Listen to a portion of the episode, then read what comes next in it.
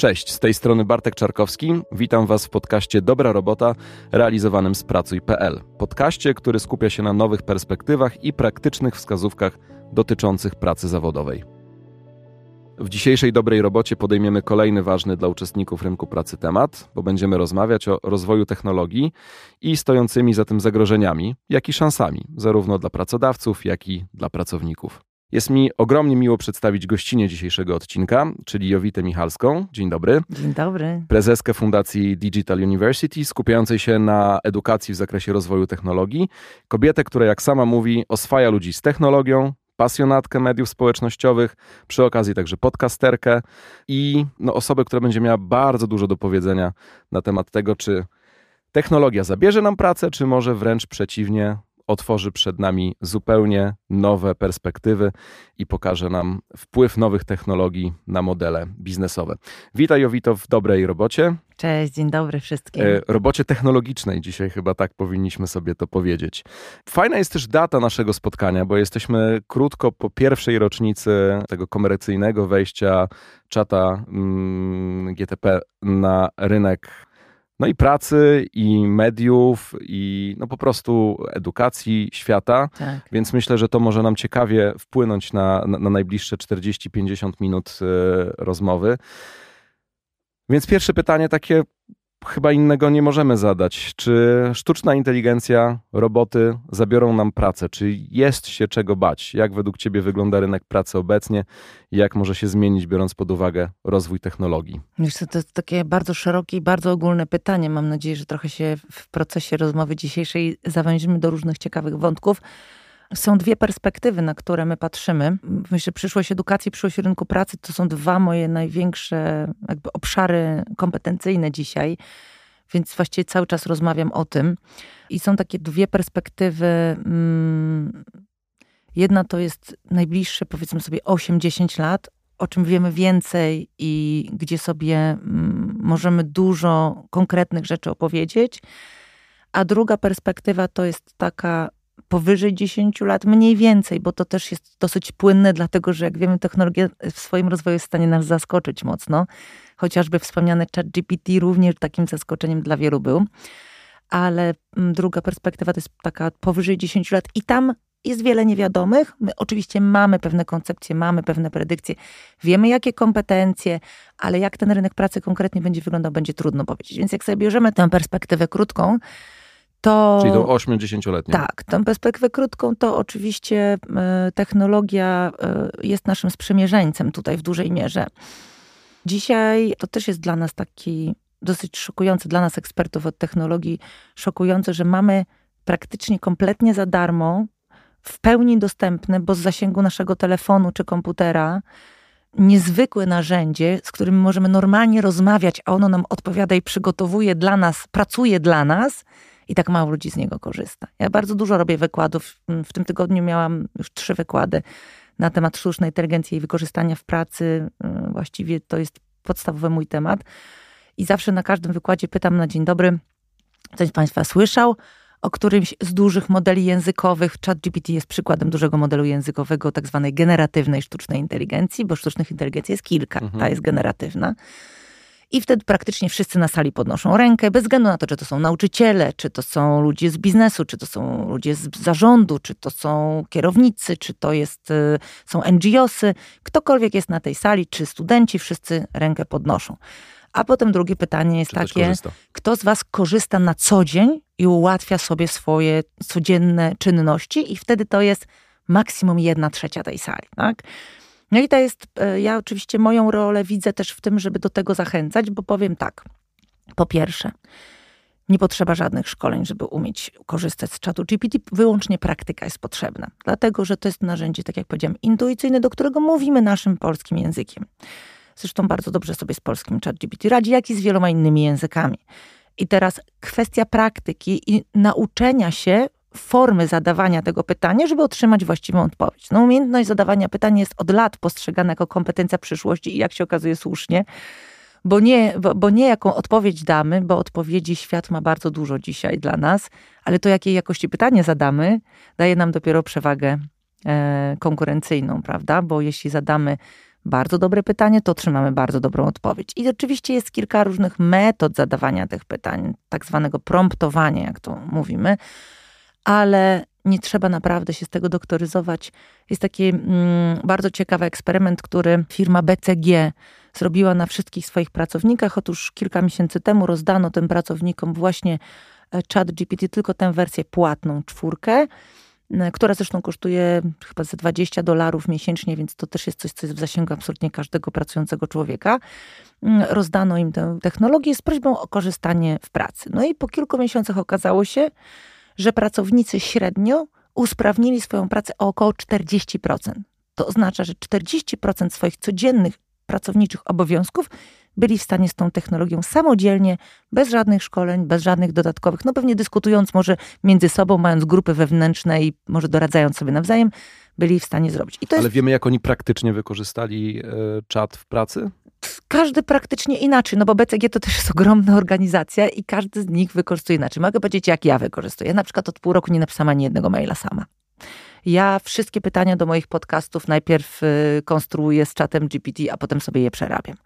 Ja, ym, Czyli jeśli poczekaj, zaczynam nie pisać... maila, bo czat napisał tak, maila za ciebie. wszystkie maile.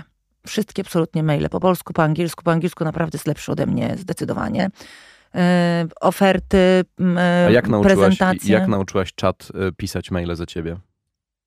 Metodą myślę, prób i błędów bo, właśnie. Bo myślę, że e, mhm. wiele osób, i wspomniałeś o tej jednej trzeciej sali, no to mhm. trzymajmy się tej, tej grupy z twoich wykładów, po prostu nie wie, jak, jak użyć tego narzędzia, bo łatwo zapytać pracę jakiego artysty zobaczę w Barcelonie, a trochę trudniej nauczyć czat e, pisania maila. Nieprawda. Łatwiej jest nauczyć czat pisania maila. Właściwie, znaczy czat umie pisać maile. Tego nie musisz uczyć. To nie jest kwestia tego, że nie chcę zapytać. To jest kwestia lęku, przed, lęku i takim e, kolokwialnym, takim trochę nie mam czasu. Nie mam czasu przed, pewnie dużo tutaj rozmawiacie o, o, o, pracy, o rynku pracy i tak dalej. No, bardzo wielu ludzi pracuje 5, 10, 15, 20 lat, robiąc mniej więcej podobne rzeczy. To jest mindsetowo trudne, żeby zmienić coś. My w ogóle dużo rozmawiamy o zmianie, ale w praktyce wcale nie dużo jej robimy. Zmiana jest niełatwa dla nas. Ja mam trochę inny mózg, taki może mało standardowy w tym akurat kontekście, dlatego że zmiana dla mnie jest czymś ekscytującym i tak było od zawsze. Więc u mnie potrzeba prób, próbowania nowych rzeczy jest jakby wpisana w moje DNA. Na, naturalnie często ludzie tak nie mają i zmiana wiąże się z pewnego rodzaju, niekoniecznie może i lękiem, no bo nikt się nie boi używać czata GPT, ale z jakąś taką, powiedzmy sobie, drobną nieśmiałością albo z takim powiedzeniem. Ja bardzo dużo też prowadzę różnego rodzaju zajęć z samymi kobietami i tam jest jeszcze większy lęk często. Ojej, ta technologia jest nie dla mnie, takie, myślę, mm, no, może trochę kulturowe, takie y, y, uprzedzenia. Nic bardziej mylnego, moi drodzy. Po prostu trzeba to wziąć i trzeba sobie z tym posiedzieć, tak? Jak mamy na przykład nastolatki w domu, to trzeba z nimi usiąść w weekend. My żeśmy, jak tylko dostałyśmy pierwszy dostęp, to było gdzieś u nas wrzesień, październik zeszłego roku z moją 13-letnią Jagodą. My sobie razem siedziałyśmy nad tym. Ja pamiętam jej pierwsze, jej pierwsze mm, świetne zresztą e, próby pracy z tą technologią, bo ona zupełnie przeze mnie w żaden sposób nie zmoderowana, tylko dałam jej dostęp, powiedziałam, słuchaj, to jest coś takiego, możesz z tym gadać, to ci będzie pomagało w szkole. Zobacz, co sobie możesz z tym zrobić. Takie pytanie. Więc ona próbowała najpierw schakować E, jeszcze wtedy ChatGPT był dużo głupszy niż jest teraz, bo mówmy się, ta technologia w tej chwili nawet ewoluuje, jak sobie tu gadamy. No więc pytają, e, co się dzieje w trójkącie bermudzkim, takie trudniejsze jakieś tego, więc była na początku trochę rozczarowana, bo był tam mocno poblokowany w takich różnych teoriach spiskowych, ale znalazła też metodę, jak zapytać, żeby jej trochę powiedział. Natomiast bardzo fajny sposób znalazła na, na przykład właśnie na, na szkolne rzeczy. Powiedziała, napisz mi wypracowanie z dywizjonu 303, bo akurat wtedy był na tapecie, no i dostała jakąś tam odpowiedź ale się tym nie usatysfakcjonowała. Następnie zapytała, napisz mi wypracowanie z dywizjonu 303, y, jak y, dziewczyna dobra z języka polskiego w siódmej klasie. Mm. Po czym y, napisała, dostała odpowiedź, po czym napisała, napisz mi wypracowanie z dywizjonu 303, tak jakby napisała moja nauczycielka. A potem jeszcze raz powiedziała, oceń mi te wszystkie wypracowania, które napisałeś i powiedz, jak, e, dlaczego oceniłeś tak i tak. Więc to jest forma ciekawej zabawy z tą technologią, która nam na pytanie odpowiada. Więc to, co możemy zrobić z czatem GPT, to na przykład nadać mu ton. albo na przykład powiedzieć mu, kim jest. Tak? Czyli na przykład ja mu piszę, jesteś pisarką, jeżeli ja na przykład robię jakiś kolejny rozdział do swojej książki, którą piszę jesteś pisarką, jesteś pisarzem. Piszesz czy ty, ty czy piszesz razem z czatem? Piszę oczywiście razem z czatem, tak. Nie, jest, żartuję, tak, żartuję. oczywiście, że piszę razem z czatem, dlatego że on mi całą masę researchu robi, który ja nie muszę, którego ja nie muszę robić. I stawia mi pewne szkielety. Ja potem te szkielety wypełniam, tak? Zestaw rozdziałów na przykład napisaliśmy razem. Mi zasugerował pewne na przykład rzeczy. Na przykład e, ja nie, nie wymyśliłam sama, nie pomyślałam o tym, że potrzebujemy rozdziału o sustainable education, czyli o tym, że edukacja też musi mieć ten komponent, żebyśmy kształcili ludzi, którzy dbają o planetę i wiedzą o tym, że jak tutaj odkręcimy kran, to na, na koniec dnia ten też ktoś w Afryce ucierpi, tak? Żeby mieć tę świadomość. I to, ten komponent y, dopisała mi, dopisał mi ChatGPT. Także naprawdę to jest bardzo ciekawe narzędzie, które nas nie zastępuje, które nas fenomenalnie uzupełnia, tak? W obszarach zresztą takich, w których my wcale niekoniecznie musimy robić. No, czy, te, czy pisanie maili jest y, jakąś taką wybitnie istotną kompetencją rozwoju, w rozwoju ludzkości? My Pewnie też nie, ale myślę, że 90% pracowników uważa, że właśnie po to przychodzą do pracy między 10 a 18. I tu dotykasz świetnego obszaru, dlatego że gdzie my powinniśmy przepływać, jak ChatGPT będzie nam dobrze pomagał? W kierunku myślenia, kierunku myślenia strategicznego. My jesteśmy trochę w takim momencie, jak za czasów Leonarda da Vinci, kiedy rozwój świata nagle tak się zdynamizował, że okazało się, że bycie osobą interdyscyplinarną, czerpanie z różnych źródeł wiedzy i po prostu skupianie na takim spokojnym, poświęcanie dużo czasu na myślenie i rozwój i strategię stało się taką wartością. I dokładnie jest ten sam moment dzisiaj. Zobacz, jak wygląda nasze życie. My biegniemy w chomiczym kółeczku. Ja to bardzo często widzę to kółeczko, jak myślę o pracy wielu osób, że my biegniemy z, z maila do maila, ze spotkania na spotkanie. Ja na przykład w swoich, e, na, na swoim wykładzie mam taki slajd, e, moje lifehacki, które polecam do takiego szybkiego wdrożenia, chociaż jeden. I jeden z punktów, oprócz tam, nie wiem, kąpania się w zimnej wodzie i, i, i, i jakieś formy medytacji, żeby sobie uspokajać e, i ćwiczyć mózg, to tam jest jeden dzień bez spotkań. I praktycznie nikt tego nie ma. Nikt praktycznie, również z poziomu osób kierowniczych, osób zarządzających, zarządzających sobą, ale zarządzających innymi, nie myśli.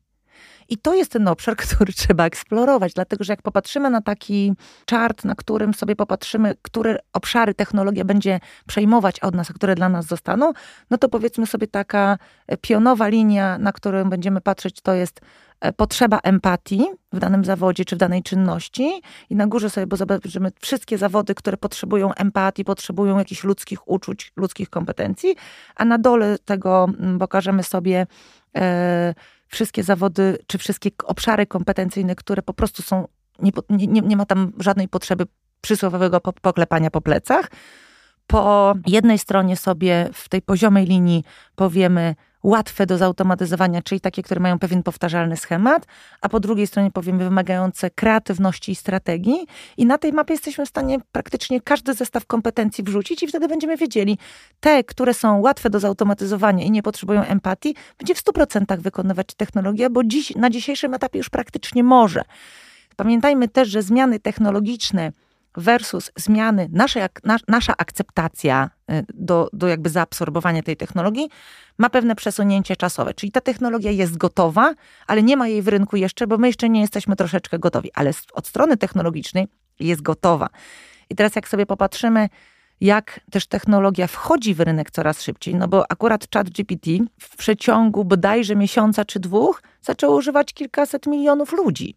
To jest naprawdę tak coś. Przeskoczył e, wszystkie dotychczasowe. TikToka chyba ostatniego. To tak, akurat no mało. W pięć, w pięć tak. dni był, był milion, e, w pięć dni był milion użytkowników, co Facebookowi albo Instagramowi zajmowało kilka miesięcy. Także to jest tego typu rozwiązanie i kolejne będą się już szybciej, e, będą się już szybciej adaptować do rynku, no bo my też coraz bardziej przywykamy do tego więc y, myślę, że ludzie sobie też za, bardzo często fundują różnego rodzaju um, excuses, że tak powiem po polsku, czyli że wynajdują sobie, dlaczego mam, mogę z tego nie korzystać, bo nie mam czasu, bo to na pewno jest niebezpieczne. Poza tym nie będę tego uczył dzieci, bo jeszcze będą ściągać. Ale za tym wszystkim kryje się lęk. E, Dokładnie I, tak. i, i pracownika, i być może pracodawcy, i nas w naszym życiu prywatnym. Mhm. E, w ogóle poruszyłaś tutaj ciekawy, e, ciekawy wątek zawodowy i pomyślałem sobie, że przykład powinien pójść z góry, ale czy uważasz, że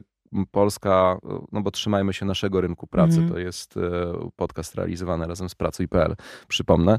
Czy polska kadra zarządzająca w ogóle jest e, kompetentna w zakresie nowych technologii, czy raczej zostawia te nowinki do poszukiwania poza godzinami pracy. Jeśli pracownik sobie coś tam wykombinuje, znajdzie i będzie chciał wdrożyć w, w pracy, to ok, ale my odgórnie na razie niczego nie, nie będziemy narzucać, a tym bardziej nie będziemy szkolić. Wiesz co, i tak i nie. Są bardzo różne organizacje. Są organizacje, które właściwie mm, zaczęły wysyłać pity mailem i się y, bardzo z tego cieszą. To jest sukces ostatniego roku. Oczywiście takie organizacje też są a, a są organizacje bardzo zaawansowane, gdzie właściwie te rozmowy mamy już na takim poziomie bardzo dużych detali, konkretnych zapytań, konkretnych, drobnych już wyzwań we wdrożeniach.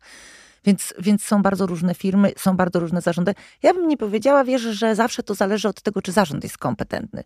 Bo te inicjatywy też często wchodzą oddolnie. To znaczy, dość, jakby możliwości i dostępność tych technologii jest tak ogromna, bo ChatGPT to jest jakiś taki wierzchołek tego wszystkiego, tak? Ale na podstawie czata GPT powstaje też dziennie kilkadziesiąt do kilkuset różnych aplikacji, które się specjalizują. Czyli jeżeli na przykład dużo pracujemy z Excelem, to są aplikacje na bazie czatu GPT, które na przykład sobie tylko radzą z Excelem dobrze.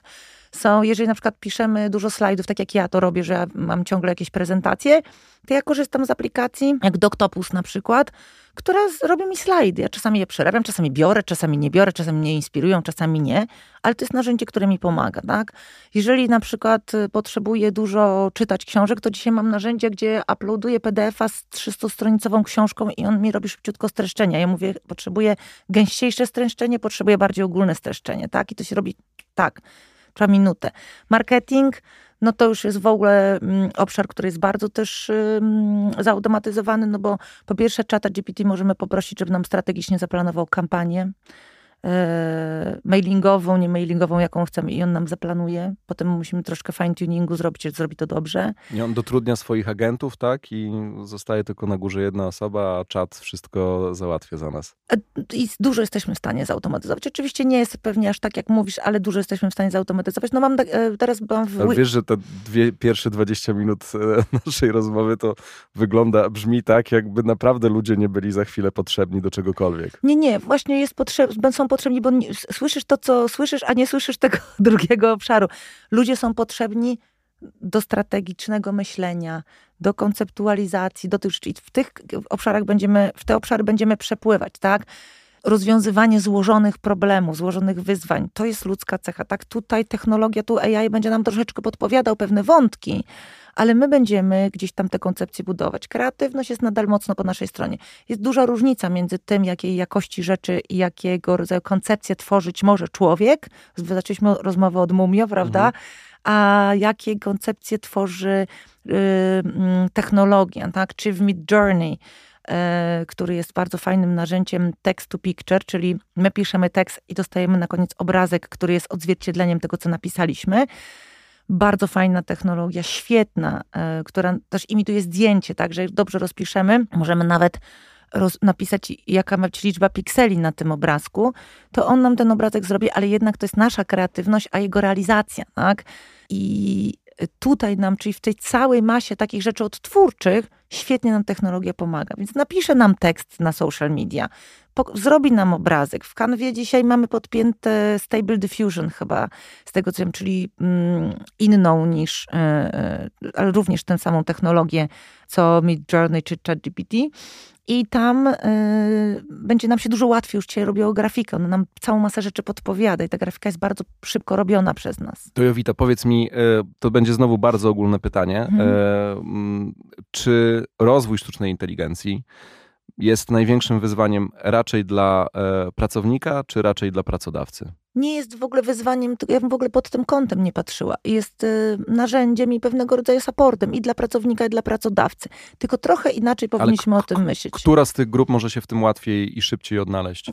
Nie ma takiego czegoś, że któreś z grup. To są podobne wyzwania. To znaczy, muszą sobie to na troszeczkę inne pytanie odpowiedzieć. Pracodawca musi sobie zdać sprawę, że w momencie, kiedy podejmie taką decyzję, o wow, jaka ta fajna technologia, to ja zwolnię wszystkich pracowników z marketingu i sobie zatrudnię Mid Journey z czatem GPT, chat GPT 20 dolarów miesięcznie, Mid Journey 8 dolarów miesięcznie, proszę 28 dolarów miesięcznie. Zdecydowanie e, perspektywa pracodawcy. Tak. I teraz pracodawca powinien sobie zadać takie pytanie, czy jeśli on podejmie taką decyzję, a konkurencyjna organizacja zrobi tak, ok, zatrudnię sobie za 28 dolarów chat GPT i Mid Journey, a ludzi, którzy robili wcześniej te rzeczy, nauczę, jak z tego narzędzia korzystać, albo powiem im, żeby po prostu zaczęli się, prak zaczęli praktykować z tym obszarem i zastanowię się, czego oni do tej pory nie mieli czasu robić, a co było ciekawe i ważne z punktu widzenia naszej organizacji, to teraz odpowiedzmy sobie na pytanie w perspektywie trzech lat, która z tych organizacji będzie sobie lepiej radziła na rynku, prawda? Ta, która się rozbuduje, a nie ta, która zaoszczędzi. To jest stara prawda. I miałam, wiesz co, bardzo ciekawą rozmowę, bo mieliśmy panel dyskusyjny o sztucznej inteligencji z największymi polskimi przedsiębiorcami z takiego stowarzyszenia, z takiej organizacji Corporate Connections weekend. I bardzo dużo o tym rozmawialiśmy, bo to są, to są przedsiębiorcy, którzy sami zbudowali swoje biznesy, więc dla nich po prostu jest możliwość oszczędzenia, możliwość rozwoju. Oni przede wszystkim patrzą przez pryzmat pieniędzy, rozwoju. I wszyscy mi przyznali rację. Absolutnie mieliśmy dużą dyskusję, że to drugie podejście jest dużo sensowniejsze. Czego ja nie robiłem, bo nie miałem czasu? Jakie obszary moich kompetencji nie były rozwijane, bo nie miałem czasu? gdzie ja mogę zagospodarować 20 osób, które są lojalne, które znają dobrze moją organizację, które są lubiane, które stworzą networkowo też część mojej firmy, co one teraz mogą robić? Bo zwolnienie ich, zatrudnienie do innego obszaru innych ludzi jest dużo bardziej kosztowne. To się stricte nie opłaca z czysto pragmatycznego podejścia. I jeżeli, więc to jest perspektywa pracodawcy. Perspektywa pracownika jest taka. Jeśli ja będę cały czas sobie myśleć o tym, że to jest obok mnie, poza mną, że ja tego nie potrzebuję, że tego się boję, albo że to jest mi niepotrzebne, to za chwilę na podobnym stanowisku obok mnie będzie osoba, która uznała, że się to przyda, że jednak spróbuje, że się tego nauczy. I jest opakowana dwoma czy trzema takimi narzędziami i, i automatyzuje sobie te 30, powiedzmy nawet nie 40, tylko nawet 20% pracy. To ta osoba o 20% wcześniej wychodzi do domu, ta osoba robi jakieś dodatkowe rzeczy, jest, ma lepszy dobrostan, czyli na przykład dłużej będzie trwało jej wypalenie zawodowe, no bo umówmy się, my jesteśmy, my żyjemy w overproductive society. E, my żyjemy w środowisku, które jest skrajnie przepracowane. My wiecznie nie mamy na nic czasu, na żadną nowość, na żadną koncepcję. I teraz, jeżeli ta osoba obok mnie te 20% czasu poświęci na lifelong learning, to nie jest już tylko hashtag, na uczenie się, na rozwijanie się, na sobie oglądanie tego przysłowiowego TEDxa trzy razy w tygodniu po 20 minut na, na właśnie tematy związane z, z I zrobi to w ramach pracy. Tak. I absolutnie powinna to robić w ramach pracy, ale powinna ten czas sobie sama znaleźć. To umówmy się, po roku to my jesteśmy dwoma zupełnie innymi osobami. I to jest oczywiście taki głupi frazes. Ja nie lubię te, tych tematów traktować płytko, ale takim, tak jak pierwsze podstawowe pytanie jest, czy technologia nam zabierze pracę, a, druga, a odpowiedź jest taka, e, to też jest odpowiedź bardzo płytka. Technologia nie zabierze mi pracy, ale ktoś, kto e, ma, wykonuje tę samą pracę, co ja, ale używa technologii już tak, no to, to jest pewnie prawda, ale raczej nie to jest tak, tak, że on nie zastąpi nas na tym stanowisku, tylko po prostu będzie się szybciej rozwijał i nie będzie robił tych durnych rzeczy, które każdy z nas ma. Prosta rzecz. No, na przykład nikt w moim środowisku nie pisze minutek ze spotkań, nie pisze notatek ze spotkań. Robi to Firefly dla nas na przykład. To każda lub pięć innych y, aplikacji. Czyli ta aplikacja wdzwania się na online nowe spotkanie, tak jak ty się wdzwaniasz. Mhm. Nagrywa całe spotkanie, a następnie wysyła do wszystkich uczestników spotkania maila z tego, co spisała i skondensowała z tego nagrania, dziękując wszystkim za spotkanie. To jest godzina pracy czyjaś, dwie, czasami trzy, jeśli to spotkanie jest skomplikowane, tak aby jest w innym języku. To zrobione automatycznie. Dlaczego nie korzystać z tych narzędzi? Czy naprawdę te narzędzia są takie straszne? W ogóle nie są straszne. Nauka ich nie jest trudna, bo te wszystkie narzędzia są intuicyjne. Nie są tylko mało kto, Jowita o tym mówi, że te narzędzia mogą pomagać, tylko one raczej przerażają i tu wracamy do tego lęku. Mm, ja słuchałem twojego podcastu sprzed kilku miesięcy, bo tak jak e, przedstawiałem cię kilkanaście minut temu, jesteś także e, podcasterką i wielu różnych ciekawych tematów można mm, posłuchać w Digitoxie, mm, twoim podcaście. E, I kilka miesięcy temu sięgnęłaś po raport Future of Jobs 2023. skondensowałaś pewnie za pomocą e, też e, sztucznej inteligencji najważniejsze informacje i przekazałaś je swoim słuchaczom.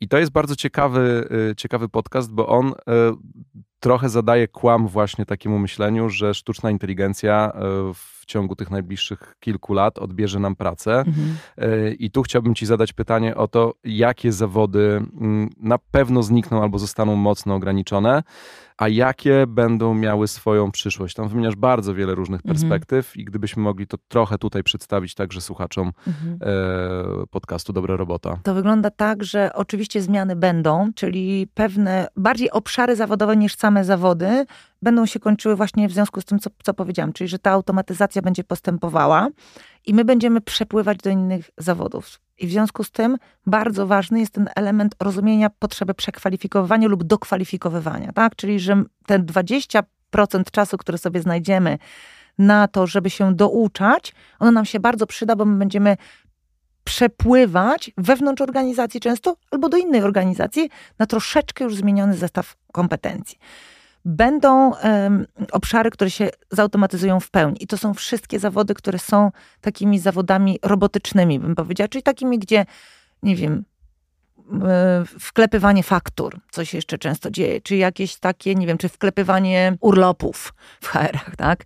Czy to jest tego bardzo mało też, czy takie jakieś właśnie bardzo, bardzo proste do zautomatyzowania prace księgowe, czy jakieś sprzedawanie biletów, czy e, asystenckie prace, takie urzędnicze. To wszystko jest bardzo łatwe do zautomatyzowania. Dzisiaj tak naprawdę każdy z nas no, w postaci czatu GPT ma swoją asystentkę. Dzisiaj możemy już e, e, korzystać z tych narzędzi, gdzie nie musisz zarządzać swoim kalendarzem. Po prostu udostępniasz proste dudle E, i 500 innych aplikacji, które robią dokładnie to i może mają fajniejszą grafikę dla ciebie. E, I wrzucasz komuś, weź sobie znajdź w moim kalendarzu miejsce, tam się wklej, tak? Więc e, jakby te prace, które mm, są taką bardzo podstawową, one wszystkie w tych najbliższych latach przepłyną do technologii. Z kolei będziemy poszukiwać coraz więcej osób, ale to w tej najbliższej, powiedzmy 3-4 latce, bo ten raport, o którym wspomniałeś, Future of Jobs 2023, to jest raport, który bierze pod uwagę do 2027 roku predykcji. To są bardzo dobre predykcje, bo, bo, bo jesteśmy w stanie dość mocno rozumieć ten okres. E, I tam jest napisane, że około 300 milionów e, miejsc pracy się zautomatyzuje, to naprawdę nie jest dużo w perspektywie całego świata, ale dużo więcej powstanie nowych opcji dla tych osób z tych 300 milionów i, I dla to, i jeszcze większej grupy. I to są tak, w tej chwili to są prace, które są jeszcze związane bardziej z e, technologią. To znaczy na pewno zwiększa się znacząco zapotrzebowanie na osoby, które rozumieją sztuczną inteligencję, które w tym obszarze się potrafią rozwijać. Programiści jeszcze wciąż, ale to mówię, to jest najbliższa perspektywa takich kilku lat. Analityka danych to jest też obszar, którym bardzo dużo nowych y, obszarów się tworzy. Natomiast też technologia będzie coraz częściej sama siebie programowała. I to też się już zdarza. Także na przykład zawód programisty jest też takim, który przepłynie dalej w stronę automatyzacji, ale w perspektywie najbliższych kilku lat. Czyli to jest tak, że jak dzisiaj przychodzą do mnie często młodzi ludzie mówią, to co, bez sensu się nauczyłem na programistę czy programistkę. Ja mówię, nie, nie, nie, absolutnie. Po pierwsze, ten zestaw kompetencji jest bardzo przydatny długoterminowo, no bo to jest logiczne myślenie i to jest y, logiczny ciąg działań ułożonych w rządku, ten sposób myśli technologia i bardzo dobrze jest wiedzieć, jak ta technologia myśli, to nam się jeszcze dużo, dużo, dużo przyda. Po drugie, powoli, to nie jest tak, że nagle przyjdziemy kolejnego dnia do pracy i będzie ogłoszone, że ten zawód się skończył. To się dzieje płynnie. Także my mamy ten czas, żeby z tego zawodu przepłynąć dalej, wyżej, żeby e, nowo tworzące się potrzeby i kompetencje gdzieś tam sobie zaadresowywać. E, dużo więcej kreatywności w naszym, czyli wnioskowania, że mm, to jest tak, że to ja używam tej sztucznej inteligencji, a nie ona mnie zastępuje. Bardziej w ten sposób myślmy. myślmy. To jest tak, że ona uzupełnia część mojej e, działalności i ja decyduję o tym, gdzie i jak jej użyję i ja patrzę, gdzie ja chcę, żeby ona mnie uzupełniła. Patrzmy pod tym kątem. To nie jest tak, że nagle mówię, w poniedziałek przyjdę do pracy i okazuje się, że dostaję wypowiedzenie, bo tam już siedzi jakiś AI. Ale czy to nie jest tak, że, e, że te nowe miejsca pracy, które będą współpracowały e, bezpośrednio z, e, ze sztuczną inteligencją, to są miejsca, które, przepraszam, że tak to, to, to spłycam, no mhm. ale mm, chciałbym to jakoś tam w, w miarę kondensować. To nie są miejsca pracy dla osób, które mają kompetencje do myślenia ścisłego, właśnie takiego analitycznego, że zabraknie trochę mm, perspektyw zawodowych dla osób, które mają ten taki bardziej humanistyczny pierwiastek w swoich potrzebach zawodowych. Jest dokładnie odwrotnie. Dokładnie odwrotnie. No i super, to dokładnie jest nadzieja odwrotnie. dla mnie jeszcze. Tak, dokładnie odwrotnie, dlatego że technologia, umówmy się, to jest matematyka. Sztuczna inteligencja jest matematyką. I te obszary najlepiej rozumie. Więc y, no, tu wracamy do tematu, którego sobie zaczęliśmy, zanim się mikrofony włączyły, czyli do edukacji, tak? która jest moim drugim kluczowym tematem. Edukacja w systemie pruskim, którą cały czas mamy, według której idą nasze dzieci, jest edukacją, w której nauki ścisłe są kultywowane na egzaminie ósmoklasisty, na maturze, jest y, obowiązkowa matematyka. A Sir Ken Robinson, to jest z najwybitniejszych moim zdaniem ekspertów od, od zmian w edukacji, pisze w swojej książce, którą właśnie mam przy łóżku, dlaczego ktoś wymyślił, że społeczeństwa budują sami matematycy i inżynierowie a filozofowie, a socjologowie, a humaniści, a psychologowie, psychoterapeuci, a e, przedsiębiorcy. To jest cała rzesza miękkich kompetencji, których potrzebujemy. Będziemy przepływać zdecydowanie w kierunku kompetencji miękkich, ale też tam jest coś takiego jak własny dobrostan.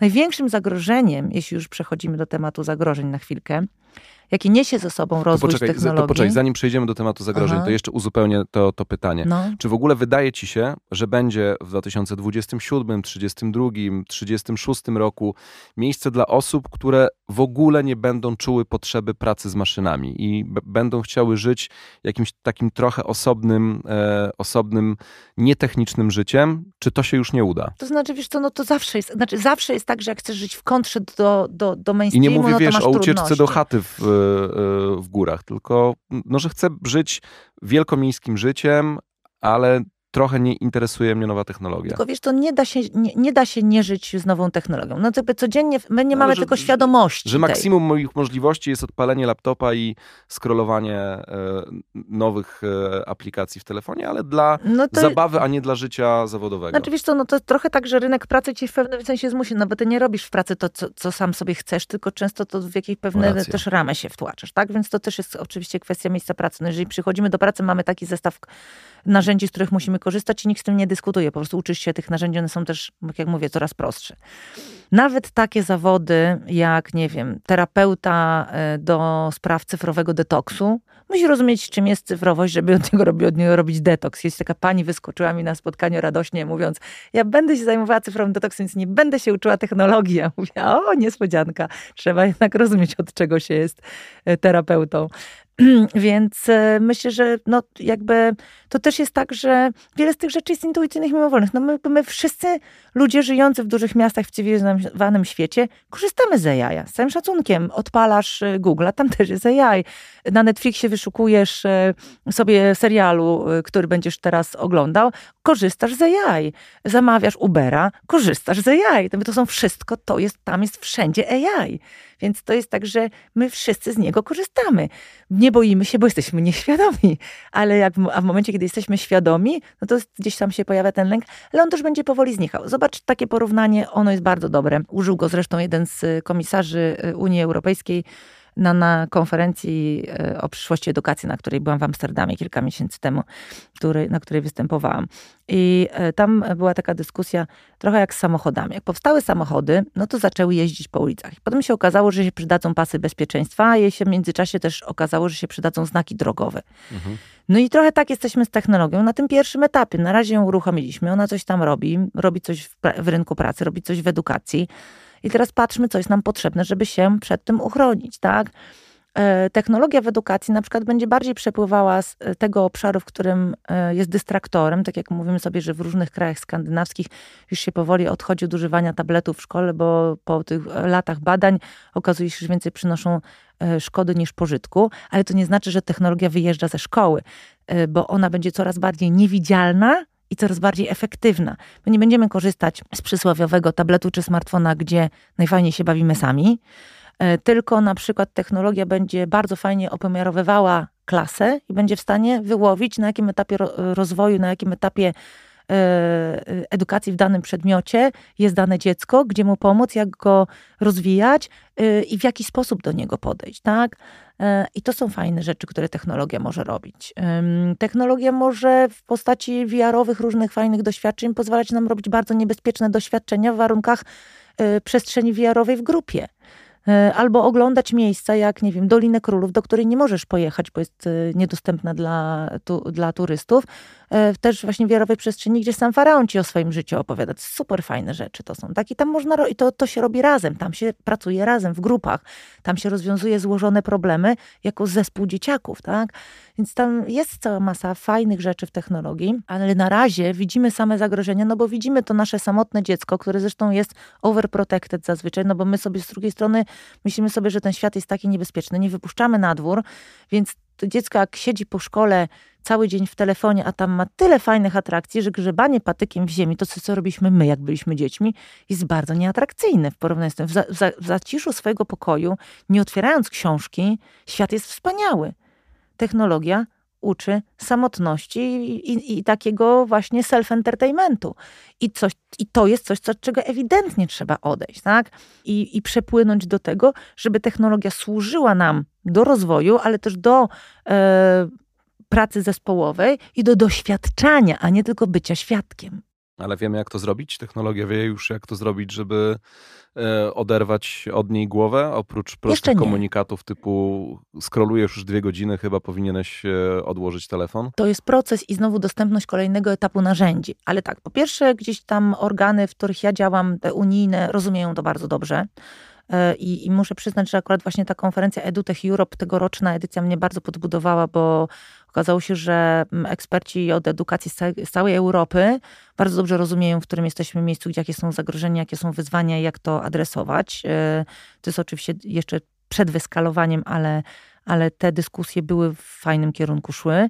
Mm, e, po drugie, no zobaczmy, bardzo ciekawa was powiedziałeś, tak mi wzdrygnęło powiedzieć na początku, że jestem entuzjastką mediów społecznościowych, to jest najdalsze od prawdy, jak tylko możliwe. Mhm. Ja, ja jestem osobą, która bardzo, no, oczywiście używa mediów społecznościowych w celach edukacyjnych, no bo mój Instagram, mój e, LinkedIn jest po prostu pełen różnych wskazówek, jak, jak używać technologii, ale też jak się przed nią chronić i też zagrożeń związanych z tym, że dzieci siedzą 7-8 godzin dziennie w telefonie, łącznie z nocą. Y, kiedy nam się wydaje, że śpią. I jestem wielką przeciwniczką, wielką przeciwniczką TikToka, y, który dodatkowo no, ma jeszcze całą masę wyzwań, chociażby takie, że jest chiński y, i tam kumuluje wszystkie dane i jest aktywnie uzależniający w sposób bardzo mocny. No i to są wszystko rzeczy, które, z którymi sobie zaczynamy radzić, bo na przykład po raz pierwszy w historii mamy zbiorowe pozwy w różnych krajach świata, przeciwko. Dużym tak. przeciwko dużym platformom społecznościowym. Coraz więcej z nas, jako rodziców, jako edukatorów, jako szkół, e, jako nauczycieli, zauważa i aktywnie przeciwdziała temu wyzwaniu. coraz większa popularność tego typu literatury, coraz większa popularność tego typu ekspertów. To są bardzo obiecujące rzeczy. No my wchodzimy w ten kolejny etap, ale to jest tak, że najpierw zawsze się musisz w czymś utopić, żeby potem się jakby ogarnąć, że ta woda jest mokra, że można się w niej utopić i tak dalej. Więc to są te wszystkie etapy, które naturalnie przechodzimy, ale my przepływamy w kierunku drugiego. Także edukacja na pewno będzie miała mniej technologii widocznych, więcej technologii użytecznych. Będziemy lepiej przygotowani, będziemy lepiej, lepiej sprawdzić, będziemy lepiej chronić na przykład wypływ danych tych młodych ludzi, tak? To wszystko się realizuje w biegu a pacjent przechodzi operację na otwartym sercu, biegnie w maratonie i ma zdobyć jedno z trzech pierwszych miejsc. Jest taką tradycją, to już trochę na zakończenie naszej dzisiejszej rozmowy, że staram się w dobrej robocie zajrzeć e, do badań, które przeprowadza e, Pracuj.pl. E, I w marcu tego roku przeprowadzono badanie Kariera w cyfrowym świecie, dynamiczna ewolucja rynku pracy jak zwykle ciekawe wyniki. Między innymi ponad 50% aplikacji na oferty w serwisie pracuj.pl jest już składana dzięki e, systemowi rekomendacji sztucznej inteligencji. Fajnie chyba, prawda? Mhm. E, ale jednocześnie 7 na 10 Polaków, e, którzy wzięli udział w tym badaniu, kompetencje cyfrowe rozumie jako zdolność sprawnego korzystania z technologii. Pytanie, czy w taki sposób, o jakim rozmawialiśmy w ciągu ostatnich kilkunastu minut. I ponad 70% badanych zgadza się z tezą, że w najbliższej przyszłości to właśnie właśnie te umiejętności będą odgrywać kluczową rolę na rynku pracy. Chyba też się z tym, tak. z tym zgodzisz. Zdecydowanie. I gdybyśmy mogli, Jowita, na zakończenie już stając po stronie pracowników, podać pięć takich narzędzi, które no nie wiem, to piątka może być symboliczna, możesz podać trzy, możesz podać siedem, które pomogą bardzo e, pracownikom w, w uczeniu się tych kompetencji albo w e, pomocy w ogóle w takim codziennym e, życiu zawodowym, no to myślę, że to byłaby taka fajna, e, fajna puenta naszej dzisiejszej rozmowy. Jak, słuchajcie, więc przede wszystkim to, co się dzieje w tym obszarze rozwoju technologii, to jest przejście możliwości użytkowania tej technologii do zwykłego człowieka, bo umówmy się, to było święte IT wcześniej, które miało jedyny dostęp do technologii. Dzisiaj nie potrzeba kodować, żeby rozmawiać z technologią.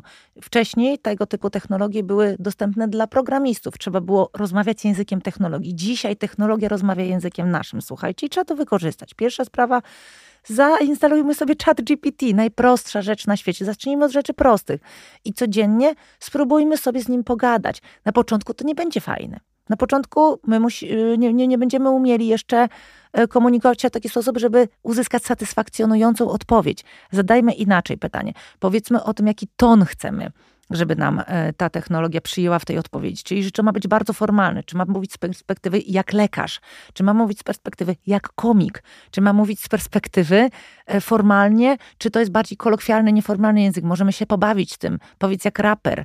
To są, to są naprawdę świetne zabawy i technologia podąża za tymi naszymi poleceniami. Um, opiszmy konkretnie sytuację. Tak? Ja, ja wczoraj dawałam na moich mediach społecznościowych taki przykład. Prowadzę cukiernię w Gdańsku.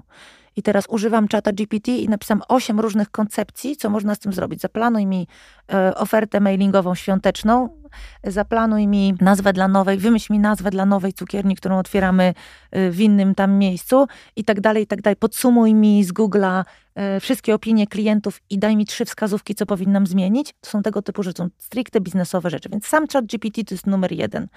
Jeżeli cokolwiek robimy e, marketingowego, jeżeli cokolwiek robimy, potrzebujemy jakiś grafik i tak dalej, no to, to Canva, która dzisiaj jest podparta, tak jak moje Stable Diffusion, to jest bardzo łatwe narzędzie, które szybciutko robi rzeczy.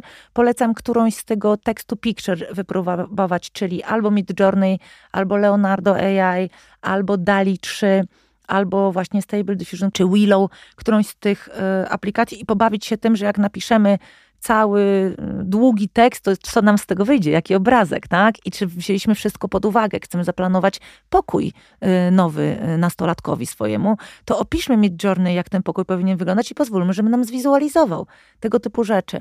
I oczywiście cała masa potem tych drobnych aplikacji, które już bardzo specyficznych, pomagających w konkretnych naszych wyzwaniach, tak? E, I, i, i, e, i to bardzo dużo ludzi publikuje. Ja publikuję praktycznie codziennie jakąś sprawdzoną przeze mnie nową aplikację, która może nam pomóc. Czy ten Firefly, który, o którym mówiłam wcześniej, który po prostu będzie za nas robił minutki ze spotkań, tak? To są, to jest, I wtedy patrzymy potem, Chat GPT jest najbardziej ogólną. Możemy oczywiście zamiast czata GPT, jeżeli nam się w jakiś sposób nie podoba, to użyć Google Barda albo Microsoft Binga, które też są, e, który Microsoft Bing też jest darmowy i użyteczny. Ja bardzo lubię Claudie od Antrofi, ale tam trzeba sobie podłączyć VPN-a, więc to jest pewnie nie dla wszystkich, bo nie ma go dostępnego w naszej polskiej przestrzeni i bawić się. I tak naprawdę nie, nie, nie, nie mi trężyć czasu na to, żeby wyszukiwać nowych gadżetów, wziąć jeden i się go porządnie nauczyć poprzez próbowanie. A jak już polubimy, to wtedy trzeba na kurserze, na Udemy poszukać sobie jakiegoś kursu, który nas wprowadzi na kolejny level, tak? I te kursy w większości przypadków są darmowe. Nawet Andrew Ng, który jest jednym z ojców nowoczesnej e, AI, robi tam sam kurs o machine learningu. Jeżeli to jest coś, co nas ciągnie, bo to odkryjemy w sobie tę, tę, tę, tę żyłkę, to dalej się już self-edukujemy e, gdzieś właśnie na kurserze, na Udemy, czyli na tych platformach edukacyjnych, które oferują kursy. Jeśli dobrze zapamiętałem naukę z Twojego podcastu, to też właśnie szkolenia, kursy to będzie coś, na co pracodawcy w przyszłości będą zwracać e, uwagę, pewnie nawet e, częściej niż na to, jakie studia E, skończyliśmy. Zdecydowanie, zdecydowanie. Znaczy też e, uniwersytety muszą się bardzo zmienić. Bo dzisiaj, jeżeli, jeżeli dwa lata czy trzy lata zajmuje przygotowanie kolejnego kierunku studiów, to zazwyczaj on już się dewaluuje na rynku. To powiedz mi na, na, na, zakończenie, jesteśmy na początku tej rewolucji, czy dobijamy do jej środka, bo do mm, samego Zdecydowanie końca na początku. Na samym początku. Zdecydowanie na początku, tak. Pamiętajmy o tym, to jedno zagrożenie, o którym e, chciałam powiedzieć w pewnym momencie, to przerwaliśmy. E, pamiętajcie o tym, że największym zagrożeniem technologii jest samotność. I to jest coś, co trzeba. Więc jeżeli mamy, ja tu apeluję, no obydwoje my jesteśmy akurat rodzicami nastolatków, więc myślę, że ten temat nas, nam jest bliski. My nie możemy zostawić tego samemu sobie. Pamiętajcie, że rola rodzica się dzisiaj zmienia. Nie w strażnika zabraniam ci, zabraniam, tylko w osobę, która sama rozumie i też tłumaczy i też wspiera dziecko na tym etapie, tak?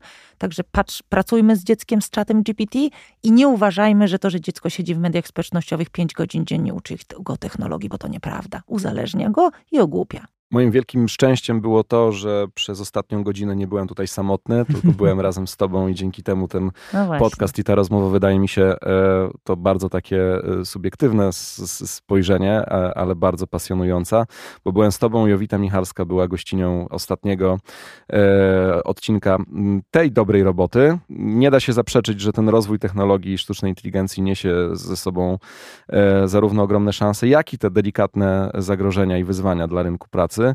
Mam nadzieję, że ta rozmowa będzie krokiem w kierunku lepszego zrozumienia wpływu technologii na nasze, e, na nasze, na nasze życie zawodowe i przypuszczam, że gdybyśmy się spotkali tutaj za rok, to mielibyśmy 100% e, nowości do przedstawienia. To jest tak rozwojowy temat. E, Możemy Dzięki... się umówić, że będę zamykać każdy wam sezon. Bardzo, ba, bardzo chętnie. To mam nadzieję, że, że Pracuj.pl jest już teraz przy głośnikach i, i, i zapamiętuje, zaznaczamy sobie datę w kalendarzu. Dzięki Jowita za twoją obecność obecność e, i rozmowa, Wam słuchacze, że byliście z nami przez wszystkie, mam taką nadzieję, odcinki dobrej roboty. Jeśli macie jakieś e, odcinkowe zaległości, to oczywiście zachęcamy do ich nadrobienia. Wszystkie podcasty są do odsłuchania w serwisach streamingowych, chociażby takich jak e, Spotify czy na YouTubie. O pojawieniu się kolejnych odcinków dobrej roboty dowiecie się z kanałów social media pracuj.pl. No i koniecznie sprawdzajcie ich Instagram. Dzięki za wszystkie dotychczasowe rozmowy i za to, że nas słuchacie. Do usłyszenia. Bartek Czarkowski. Bardzo dziękuję za tę rozmowę. Dziękujemy.